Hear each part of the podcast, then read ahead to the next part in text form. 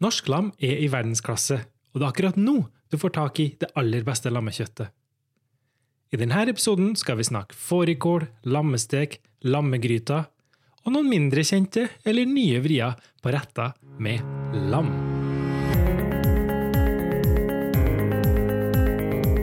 Hei, jeg heter May-Britt, og jeg sitter her på kjøkkenet mitt i Oslo. Og jeg heter Vidar. Jeg sitter på mitt kjøkken i Istanbul. Velkommen til Vaffel, en podkast om mat.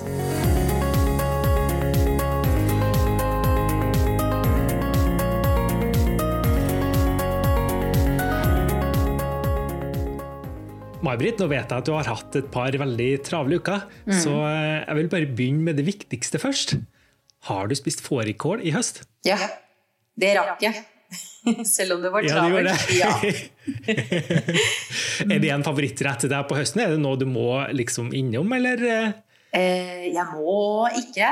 Det jeg tror jeg hadde overlevd. Det er ikke på samme måte som jul og lutefisk. Eh, men moren min mm. hun lager alltid fårikål hver høst. Eh, Mhm. Så det er hennes oppgave. Jeg tror kanskje jeg har laget fårikål én eller to ganger i livet. Eh, for det er, det er det mamma som gjør. Så eh, da lager hun en gigantisk gryte, og så kommer vi til henne, datteren min og jeg, og så spiser vi til vi sprekker, og så har mutter'n mat i to dager til. Og det, det syns jeg er litt, nesten litt urettferdig at hun har i to dager til, for den fårikålen blir jo bare bedre og bedre jo lenger den står. Altså, ikke ja, ja, det grumler på den.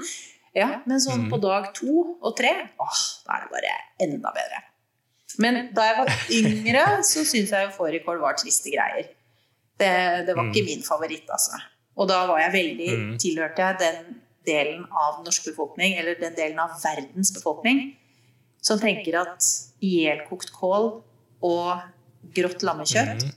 ikke er det mest kulinariske høydepunkt. Mm. Men det har gått over. Nå elsker jeg det. Hva med deg? Nei, jeg, jeg er litt i samme hvem som deg var da jeg var yngre, i alle fall. Det var, var ikke det helt eh, store. Jeg husker jo fremdeles vi serverte og på Veikroa, der jeg jobba. Det var jo alltid veldig viktig på høsten å få den der fårikålen på menyen. Og da, altså hvis du snakker om eh, si, yeah. traust, eh, grått, brunt ikke sant? Det blir jo ikke noe mye bedre av å stå i et vannbad i x antall timer. Jeg har ikke de helt store fårikålminnene og tradisjonene, det må jeg bare innrømme. Og så forlot jeg jo landet da, mens jeg var ganske ung ennå, så jeg har på en måte ikke fått plukka opp de eh, tradisjonene senere heller. Jeg må innrømme det at jeg, jeg har ikke laga det her heller. Så, så det har ikke vært eh, Nei, jeg har eh, veldig mange gode tradisjoner med lam. Pinnekjøtt, f.eks. På mm. julaften. Det er jo virkelig viktig. Men uh, fårikål, nei, det har jeg aldri vært helt god venn med. Det må jeg bare være ærlig om. Det er jo et sånn, jeg lurer på om det er et alderdomstegn hos meg selv. For jeg kjenner jo at sånn, den, måten, den måten jeg liker fårikål på nå, det er jo sånn mutter'n liker det. Og jeg liker fettet. jeg liker de feteste kjøttstykkene. Og de syns jeg var så ekle da jeg var yngre. Mm. Men nå, hvis det kommer litt sånn der eh, fett, fettete stykke, Ja. og så tar jeg ekstra salt, og så moser poteten i skyen. Og den myke kålen og eh, ja, hender av og til at jeg knaser et pepperkorn mellom tennene. eh. Og så har jeg for grått hår, og så har jeg trilleberg. Ja, jeg vet ikke. Det går bare én vei. Dette her. Sånn er det. Vi har alle våre stasjoner vi må innom i livet. Ja. Men husker du i fjor? Da var det jo litt en krise, lammekrise i Norge. Hvor det var Det kom for en dag at det bare hang masse lam eh, inne på et lager. Mm. Og, og frøs, holdt jeg på å si. Altså, at folk Det ble ikke spist opp. Det var produsert altfor mye lam. Ja, det var på kanten. Det var rett før det måtte kasseres, var det ikke det? Ja, ja. Og det er jo fordi at uh, sauebøndene har fått, eh, fått eh, støtte til å Eller de produserer jo det de får støtte til, og det som på en måte man etterspør. Og så blir det ikke, Mm. er det ikke folk som har ikke spist nok, ikke sant? Det har snudd. Mm. Ja, det, NRK satte jo veldig fokus på det. Og den eh, negative eh, utviklingen snudde pga. det. At det ble satt fokus på det. Så nå har salget Mm. økt. Ting er i ferd med å bli i balanse. Og, eh, og alle er glade. Bortsett fra, fra vegetarianerne. Men det kan vi ta i et annet. Ja, nei, de er også glade. De er også glad at vi spiser det kjøttet som tross alt har dødd for vår skyld. Så de er også glade. Ja. Og jeg har lagt merke til at det må jeg få si, de siste gangene jeg har vært hjemme i Norge, at det er mer lammekjøtt i eh, dagligvarehylla. Altså, jeg husker jo det bare, det skal ikke så mange år tilbake fra Trøndelag, der jeg kommer fra. Så hvis du skulle ha lammekjøtt, i alle fall utenom si, fårikål- og pinnekjøttsesongen, og kanskje grillsesongen, fikk du sånn eh, lammekoteletter til grillen, mm. så var det bare sånn hele frosne lammelår. Det var ikke så mye annet. Men jeg ser jo det nå, når du går inn på bare en helt vanlig butikk i et litt sånn grisgrendt strøk, så kan du godt snuble over både lammekjøttdeig og lammekotelett og litt forskjellige ting også i ferskvaredisken. Da. Og det, mm. det, er jo bra, fordi både som du sier da, for å spise opp det kjøttet som er, og så er det jo et veldig godt kjøtt. Det har jo mye smak. Ja, og så har det gått ute og gressa. Mm. Men det de har gjort, vet, som er litt smart, Eh, nordmenn er veldig glad i kjøttdeig. Vi bruker mye kjøttdeig og farseprodukter. Og det de har gjort, er at de har mm. tatt eh, og lagd mye lammekjøttdeig, og så har de kalt det hverdagslam. Og da tror jeg Det, er, det syns jeg er altså så snedig tenkt, og godt tenkt fra, fra de som selger dette, eh, at folk da skjønner at du kan bruke lam i mm. hverdagsmaten din. Du kan ha det i en bolognese, ja, ja. du kan ha det i en taco. Eh, du kan lage lammekjøttkaker. Mm. ikke sant? At du ikke alltid tenker at det bare er på påskeaften og fårikål og mm. pinnekjøtt. Absolutt. For lammekjøttdeig, det er ikke vanlig i Norge. Det er ikke vi oppvokst med. Nei, og det er litt synd, fordi det er litt ekstra god smak. Og vi, og vi har jo viltkjøtt. Altså, det er jo en del som spiser øh, ikke sånn, Snakk om å lage taco, f.eks. Her har spiste spist taco med hjortekjøttdeig. Mm. Altså, vi tenker i de banene når det kommer til det kjøttet vi har, så hvorfor ikke gjøre det med lam? Jeg tenker Det er veldig mange plasser der vi kan bruke det. Det du nevner, er jo eh, veldig mange fine retter. Og du har jo mye inspirasjon fra den regionen jeg bor i, for her er det jo veldig mye lammekjøtt òg. Ja. Men ta moussaka for eksempel, Vidar. Mm. Det ikke, skal det ikke tradisjonelt sett være lammekjøtt i moussaka, og ikke storfe? Det vil jeg tro. Fordi eh, det er jo òg kanel i den, og det, det, er jo to smaker som hører veldig godt sammen. Ja, det er veldig deilig. Og det er jo lammekjøttet som er den historiske kjøttet, både i, i Hellas og hvis du ser lenger østover i Midtøsten. Hvis du går langt nok tilbake, så var det egentlig bare lammekjøtt de spiste når det kommer til, mm. til kjøtt. Og så har det jo med tid da, eh, blitt mer og mer storfe, fordi det var nok enklere å produsere i større mengder, kanskje. Eh, og etter hvert kylling, som er da enda billigere å produsere. Men hvis du ser på de rettene som er best tradisjonelle her, og best på smak, så er de lagd med utgangspunkt i lam. Mm. Så hvis du, hvis du ser f.eks. Eh, på kyllingoppskrifter fra denne regionen her, du har noen veldig, veldig gode kyllingoppskrifter, men det hender seg òg at du får en del ting som er litt skuffende, litt tamt. Det mangler liksom noe. Og mm. årsaken til det er ofte at de da har brukt en rett som historisk sett har vært laga med lam, og så har de bytta ut kjøttet uten å gjøre noe mer med det. Og da, mhm. da, ser du hvor viktig det er å ha Eller hvor, hvor mye da du får gratis når du bruker et kjøtt med så mye smak som lam. Ja. Og det, det, er jo det som gjør at noen også ikke liker det. At det er den mm. litt særegne smaken. Særlig når du begynner å snakke om sauekjøtt i tillegg. Da. Mm. Og hvor folk syns at det smaker ullgenser. og jeg vet at det, eh, jeg husker på, på 80-tallet så var det mange av mine danske eh, familiemedlemmer de var ikke så glad i lam. Eh, og det var fordi de sikkert har fått noe sånn gammel sau mm. på 70-tallet. Og så har den smaken bare satt seg. Mm. Og det er altså Ullgenser er jo ikke godt annet enn til å ha på seg i mm. kulda.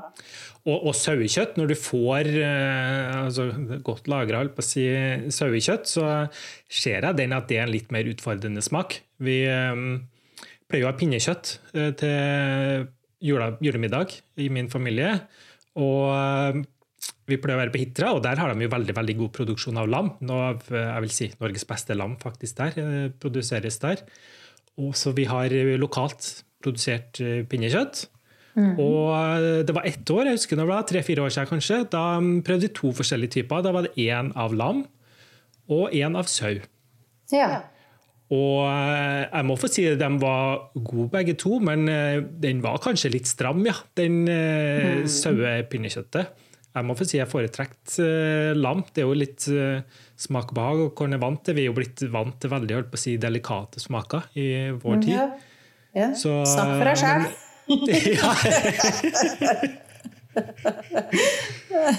Nei, men, men, jeg tror det, altså, at det kan være litt med vane å gjøre. og Uh, ja, men, men, jeg skjønner det, hvor det kommer fra. Da. Hvis du har en litt sånn dårlig opplevelse med sauekjøtt, kanskje ikke tilberedt helt optimalt heller, så er det jo en, kanskje en sånn ting som setter seg litt. Ja. Seig ullsokk som du skal gnage på. Men jeg har fått, jeg har fått, jeg får bare høyere og høyere toleranse for skarpere smak av da får eller ja. lam. Eller, ja. Jeg tror nok jeg mm. ville likt det der fårepinnekjøttet, altså. Og med rikelig med fett. Ja. ja. oh, ja det var ganske fett, ja. Mm -hmm. Men en annen ting jeg syns eh, kanskje er litt mer raft enn fårikål, selv om jeg er blitt veldig glad i det. Det er jo mer de der lam i dill som jeg er veldig glad i. Det har jeg en oppskrift på på bloggen. Og lammefrikassé. Men lam, lam, i dill, hva er det for noe? Er det Det er nok litt ymse hvordan man lager det. Jeg lager det som en frikassé, men jeg tilsetter bare uh, uhorvelig mengde med dill oppi sausen. Og så uh, i oppskriften som jeg har på bloggen, så bruker jeg trykkoker. Uh, og så bruker jeg gjerne Jeg spør pent i butikken om de har noe kjøtt med mye bein som jeg kan få billigere. Altså mye mm. bein, fordi det trenger kraft, ikke sant? Mm. Og så tar jeg for eksempel Jeg får vann i munnen når jeg snakker om det. Og så tar jeg f.eks. lammelår i skiver. Så legger jeg eh, beina i bunnen, lammelår i skiver oppå, heller mm. over på vann. Og så hvis jeg har krondill, hvis det er såpass i sesongen mm. fremdeles at det er krondill, så legger jeg noen hoder med krondill oppi. Ja, Eller så tar jeg tjukke tjukke dill og legger på toppen. Og så koker det mørkt. Og da har jo de beina vært med mm. på å lage deilig kraft. Og så har det uh, lammelåret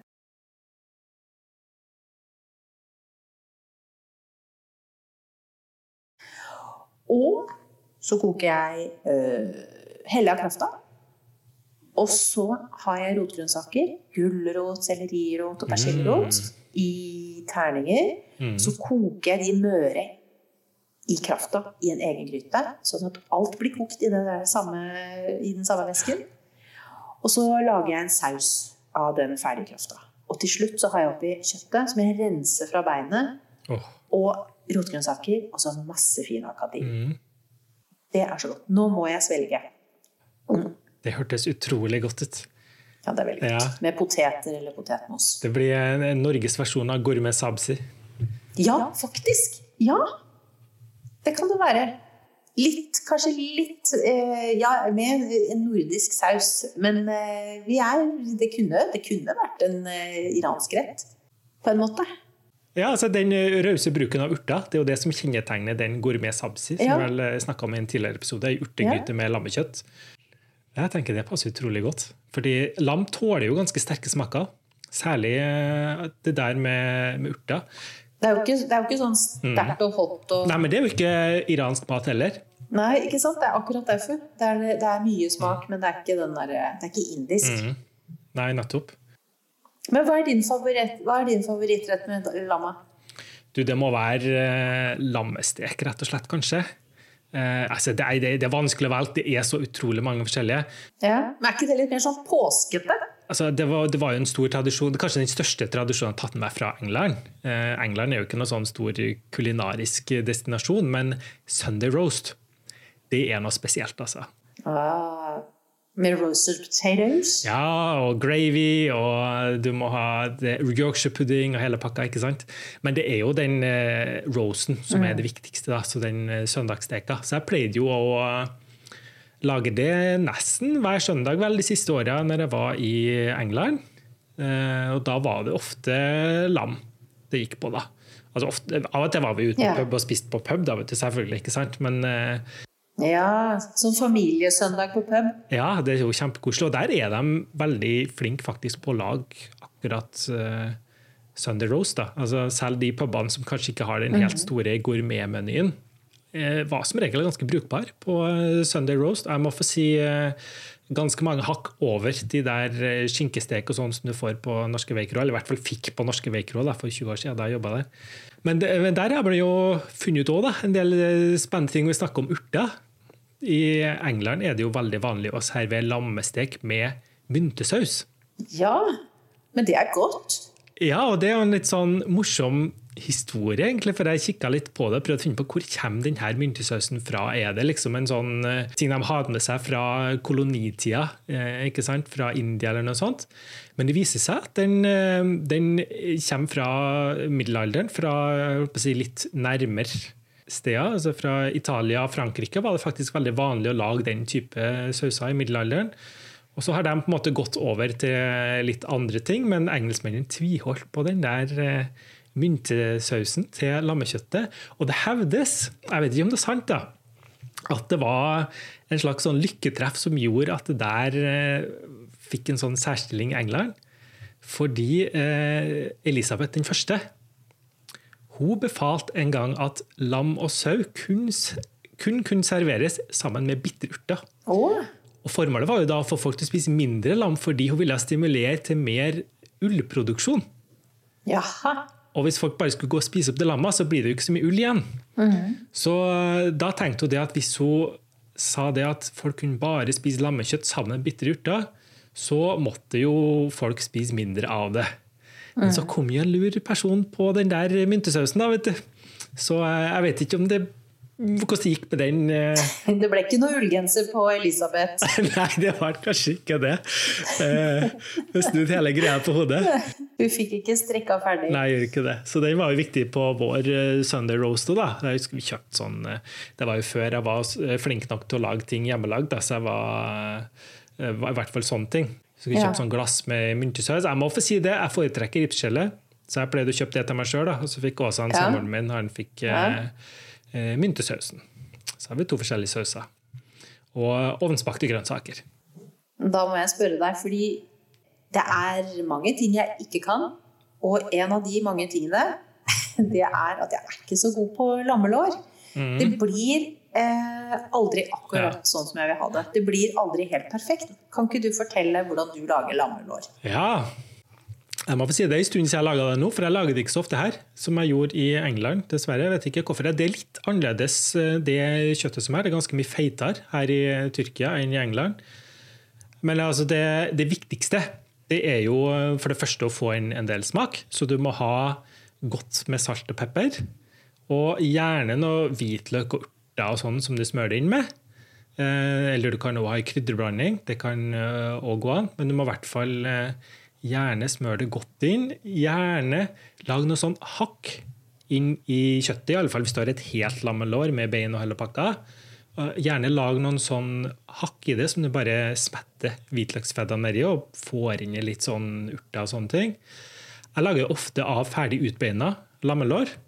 Fordi vi var jo to, og så lage et helt lammelår, liksom, det var litt å, å ta i. Vi jobba jo ganske lange dager gjennom uka, så det var ikke noe sånn at det var noe hensikt å ha noen rester, for det var ikke sikkert vi skulle spise middag hjemme på hele uka. ikke sant? Så, så da kjøpte jeg ofte en sånn pakke med en, en, et halvt utbeina lammelår. Det var liksom passe til oss. Mm. Og da er det jo bare å surre den der uh, smaksblandinga inn i midten. Ja. Så du, den ligger der. Ja. Så det er det ene, da, få smaken inni. Og det andre er jo å bruke et stektermometer. Det tenker okay. jeg er det viktigste uansett. Fordi ovner er forskjellige, hvert kjøttstykke er litt forskjellig. ikke sant? Det er forskjellige variabler, så det er litt vanskelig å vite akkurat hvor lenge det skal stå i. Men hvis du bruker et stektermometer, så lærer du deg ganske fort hvor mange grader du liker at det best skal være. Om du vil ha det rosa eller om du vil ha det godt stekt.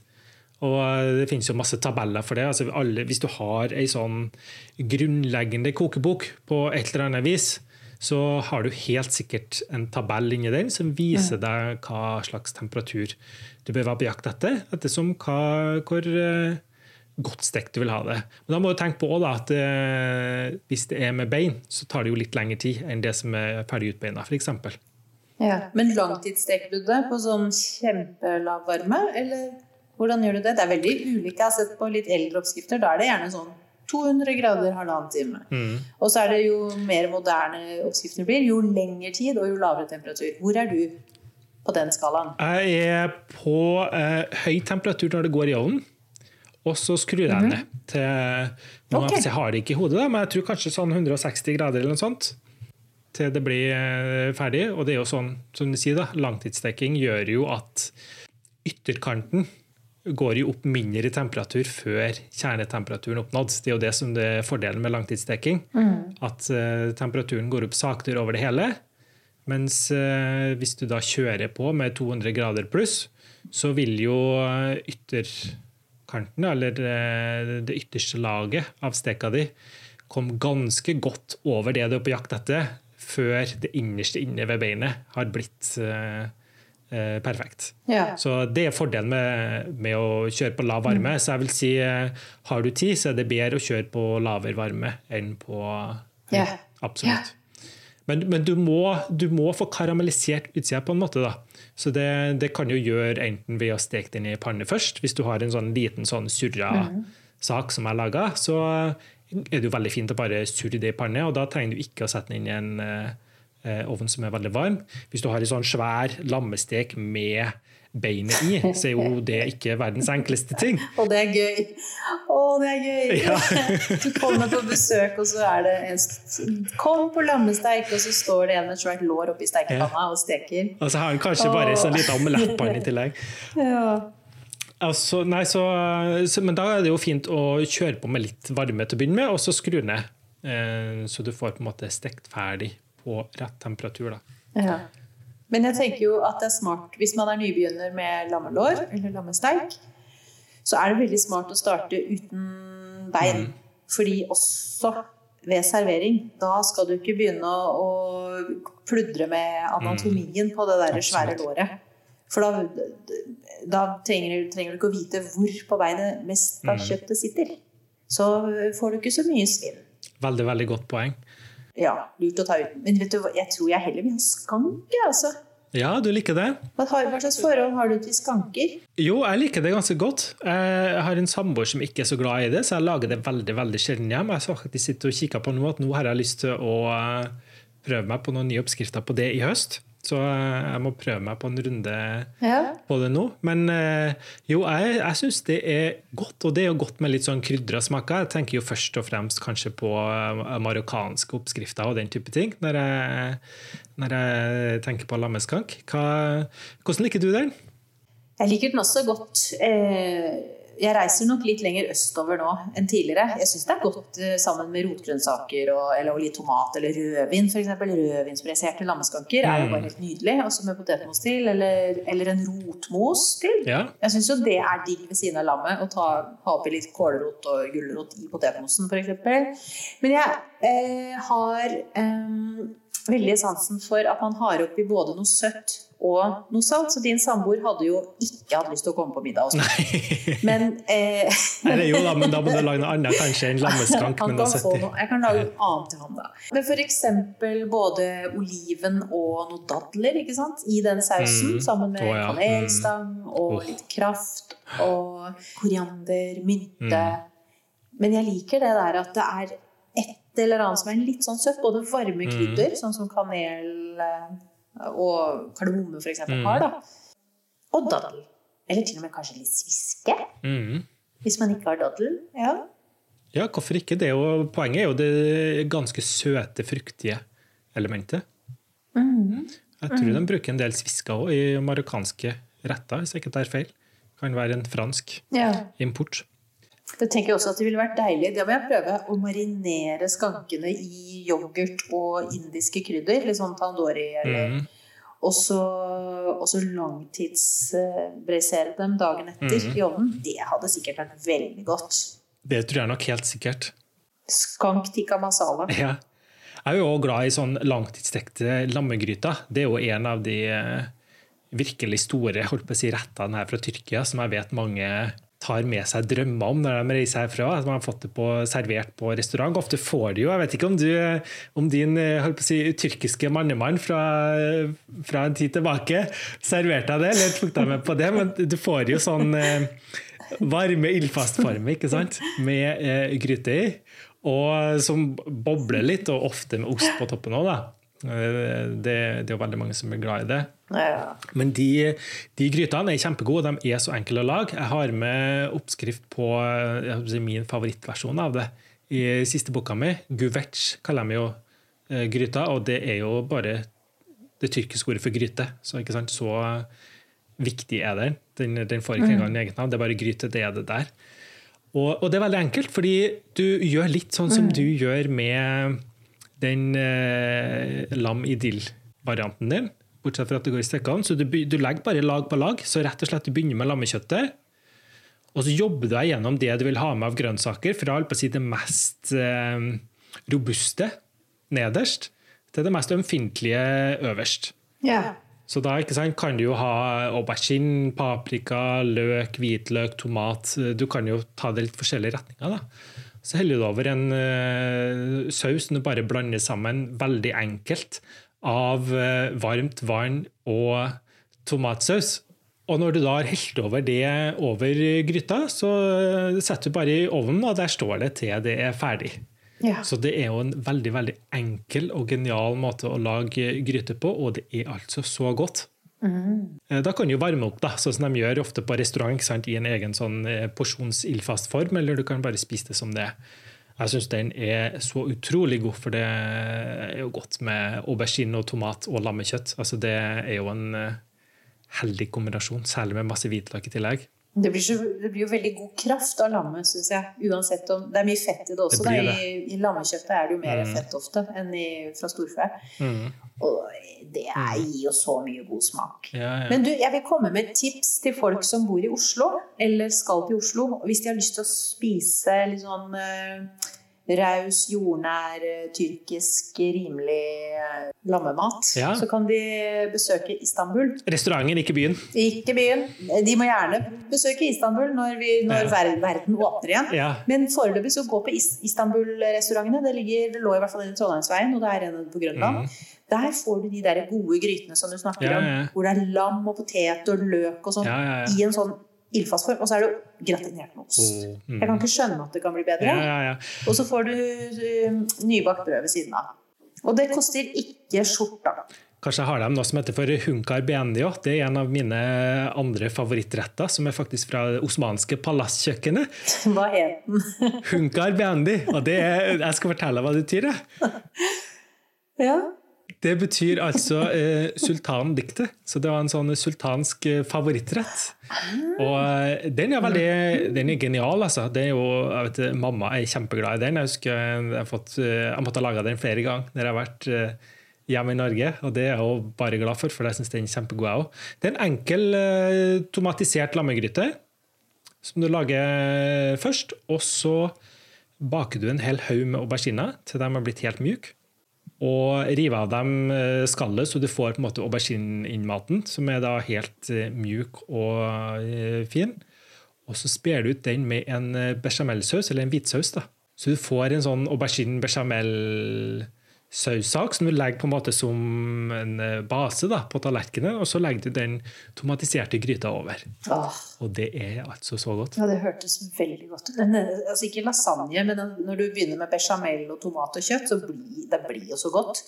Ja, ja, det gjør det. Også aubergine òg. Den kommer virkelig til sin rett i den, eh, den retten der. Og den er veldig fin kanskje rett for dem som er litt skeptiske til aubergine. Mm. fordi den er ikke så fremtredende smaken heller, men den har en sånn fin, delikat undertone ja. i eh, den uh, mm. auberginesausen.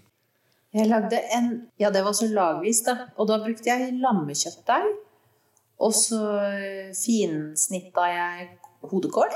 Mm. Og finsnitta noe løk. Og så la jeg det lagvis i en ildfast form. Og hadde litt karve oppi også, husker jeg. Altså jeg stekte kjøttet først, da. Å oh, ja, karve var lurt. Ja, og så stekte kjøttet altså med karve og saltpepper og sånn. Og så lagvis med finsnitta kål. Mm. Uh, i en ildfase. Og så helte på bitte litt kraft, og så inn i ovnen, så du fikk liksom bake ferdig der. Hadde jeg poteter i Odda, da, Trond? Tynne potetskiver. Mm. Det kan godt hende. Mm. Det ble veldig godt. Karve og lam, de, mm. de leker godt sammen.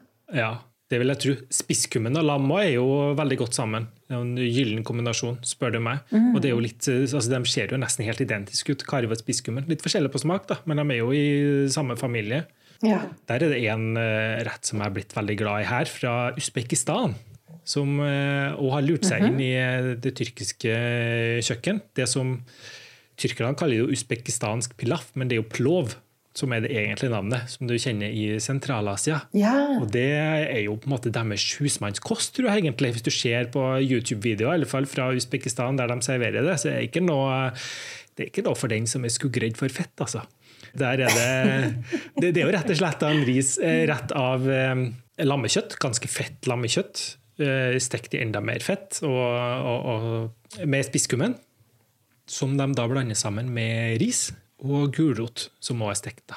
Mm. Og jeg laga den litt mer holdt på å si, vestlig tilpassa, eller eh, ikke-arbeidertilpassa versjon av det. For det der er jo for folk som skal stå i bitende kulde og jobbe hele dagen. ikke sant? Det er jo derfor det er så mye fett i den, mm. den maten der. Altså Sentral-Asia er et ganske tøft sted å være på vinteren.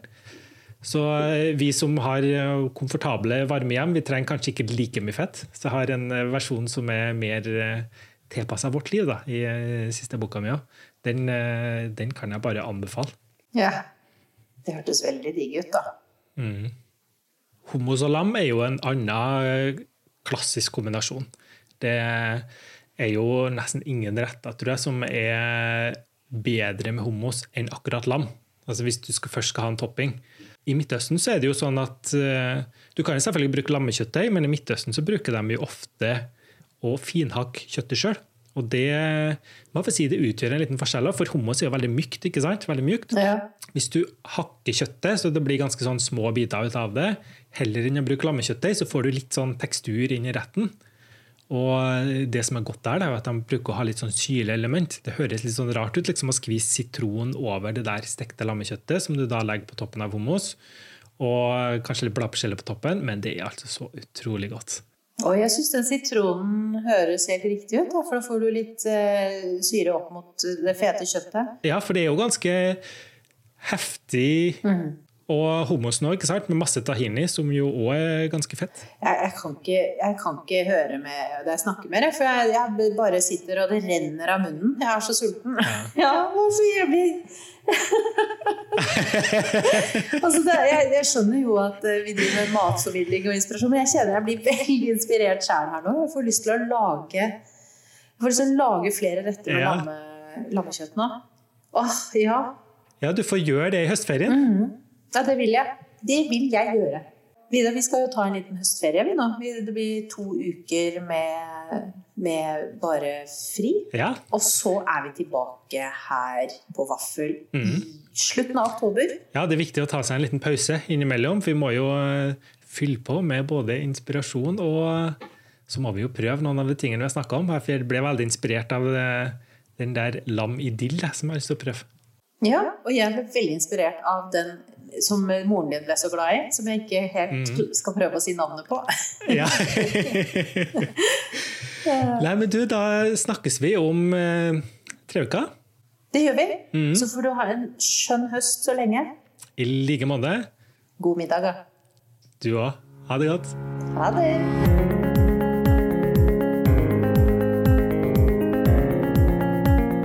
Du like sulten som oss og vil utnytte en av høstens aller beste råvarer til det fulleste, finner du oppskriftene vi snakker om i nyhetsbrevet vårt. Det finner du på vaffel.substack.com. Lenka dit finner du òg i episodebeskrivelsen der du hører på oss, eller på Facebook-sida vår. Meld deg gjerne på når du er innom, så sender vi deg nyhetsbrev hver gang vi legger ut nye episoder. Neste uke tar Vaffel høstferie, og vi er tilbake med andre halvdel av sesong to søndag 25. oktober. Takk for at du hørte på oss denne gangen, og på gjenhør.